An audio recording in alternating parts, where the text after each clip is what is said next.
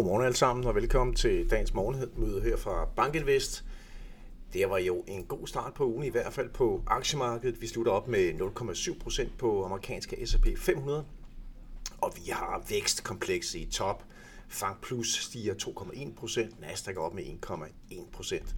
Så det er vækstaktier, der, øh, der kører først og fremmest, og ja, en af de store historier, det er Tesla, igen igen, øh, som stiger 10% i går på Dojo-temaet. Det handler altså om Teslas øh, supercomputer Dojo, som øh, ja, Morgan Stanley er helt specifikt ude og opjustere kursmålet på Tesla fra 250 til, til 400 på baggrund af, af selskabets øh, succesfulde udvikling af, af supercomputeren Dojo, som er den computer, der det computerunivers, øh, kan man sige, der håndterer hele den meget, meget store mængde af data, der blandt andet kommer ind fra alle de Tesla'er, der efterhånden ruller rundt på de globale landeveje. Jeg tror, vi er oppe på en, i hvert fald over 4 millioner Tesla'er, som jeg forstår er blevet solgt. Så der er rigtig, rigtig mange data, som, øh, som ruller ind, og øh, det handler jo om, øh, om rigtig mange ting. Øh, ikke mindst øh, fremtidens håndtering af selvkørende biler. Ja, nu siger jeg fremtiden, det kan Tesla jo sådan set allerede,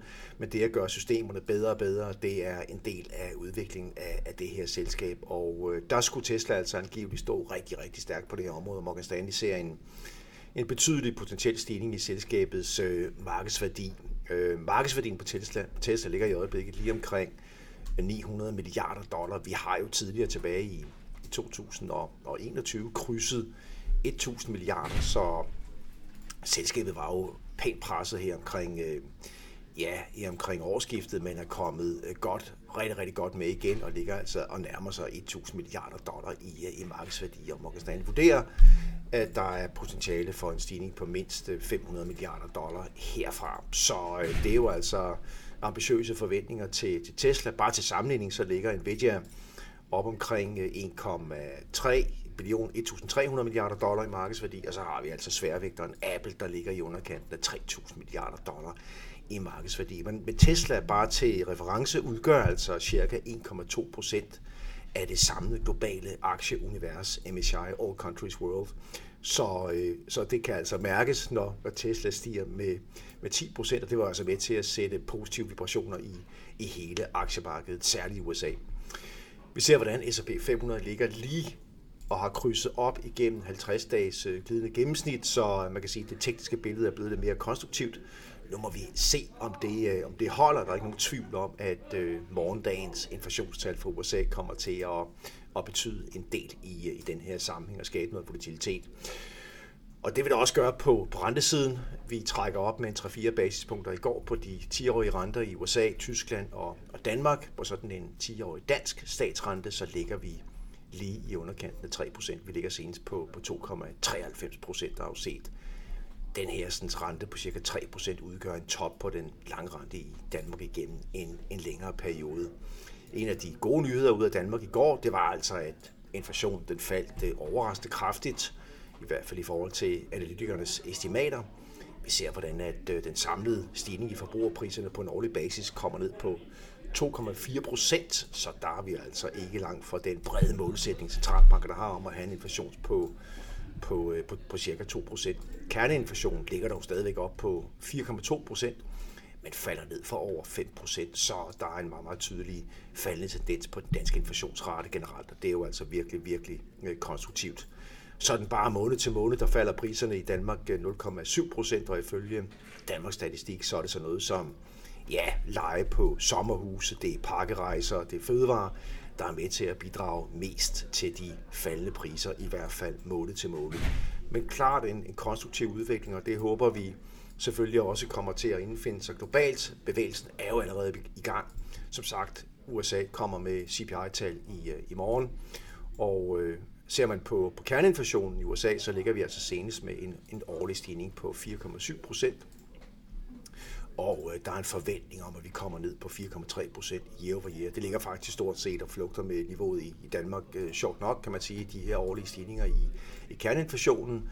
Kigger man på sådan noget som et øh, inflationsestimat, sådan en form for øh, nowcast-indikator på inflationen fra New York Fed, så ligger den nede på 3%, og den fungerer som en leading indicator for den generelle inflationsudvikling. Så der er altså, der bør være udsigt til, at de her inflationsrater kommer yderligere ned betydeligt.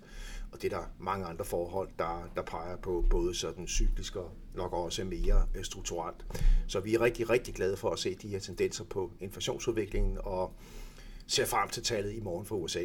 Her til morgen, der er der lidt, øh, i hvert fald øh, om ikke øh, positive vibes på det brede kinesiske aktieindeks Shanghai, så er der altså lidt, lidt kursstigninger på kinesiske ejendomsudviklere. Øh, Øhm, det vi hører her til morgen, det er, at øh, Country Garden, et af de allerstørste ejendomsudviklingsselskaber, er lykkes med at, at skyde øh, defaults til, til hjørne, i hvert fald i den her omgang. Der skulle angiveligt være indgået en aftale med en bred vifte af, af kreditorer i øh, en hel del obligationer om at forlænge øh, forfaldsdatoen på øh, tilbagebetalingerne på de her obligationer. Så der er lidt plusser på aktiekurserne, og ser vi generelt på sådan et øh, aktiekursindeks over, jeg mener, der ligger en 334 af de store ejendomsudviklingsselskaber i det her sådan Bloomberg aktieindeks, så er det stedet siden en bund i august, øh, som faktisk stort set matcher den bund, vi så tilbage i 22 og vi er oppe med cirka 17 procent på aktiekursen siden bunden i august. Så der er lidt bedre toner på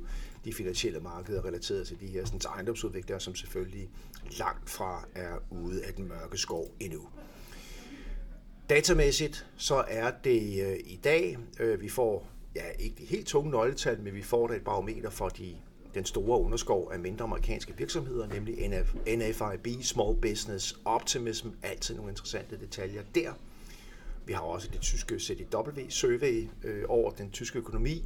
Så har vi noget arbejdsløshed ud af Sverige og, og UK, og ellers så er det CPI-tallene fra USA i morgen, det gælder, og ECB-mødet på torsdag, hvor der altså som bekendt ikke er forventninger om. Det vil bestemt overraske, hvis ECB sætter renten op på torsdag. Det er ikke vores forventning på nogen måde, og heller ikke det, der er pris ind i markedet. Vi ligger marginalt lavere på de vestlige aktiefutures her til morgen, i hvert fald på S&P. DAX ligger op med 0,1 procent stabil 10-årig rente i USA på 4,29, og øh, så har vi som sagt de data, som vi lige har været igennem. Så med det må I have en rigtig god dag på markedet, og vi er tilbage i morgen tidligt. Tak for det.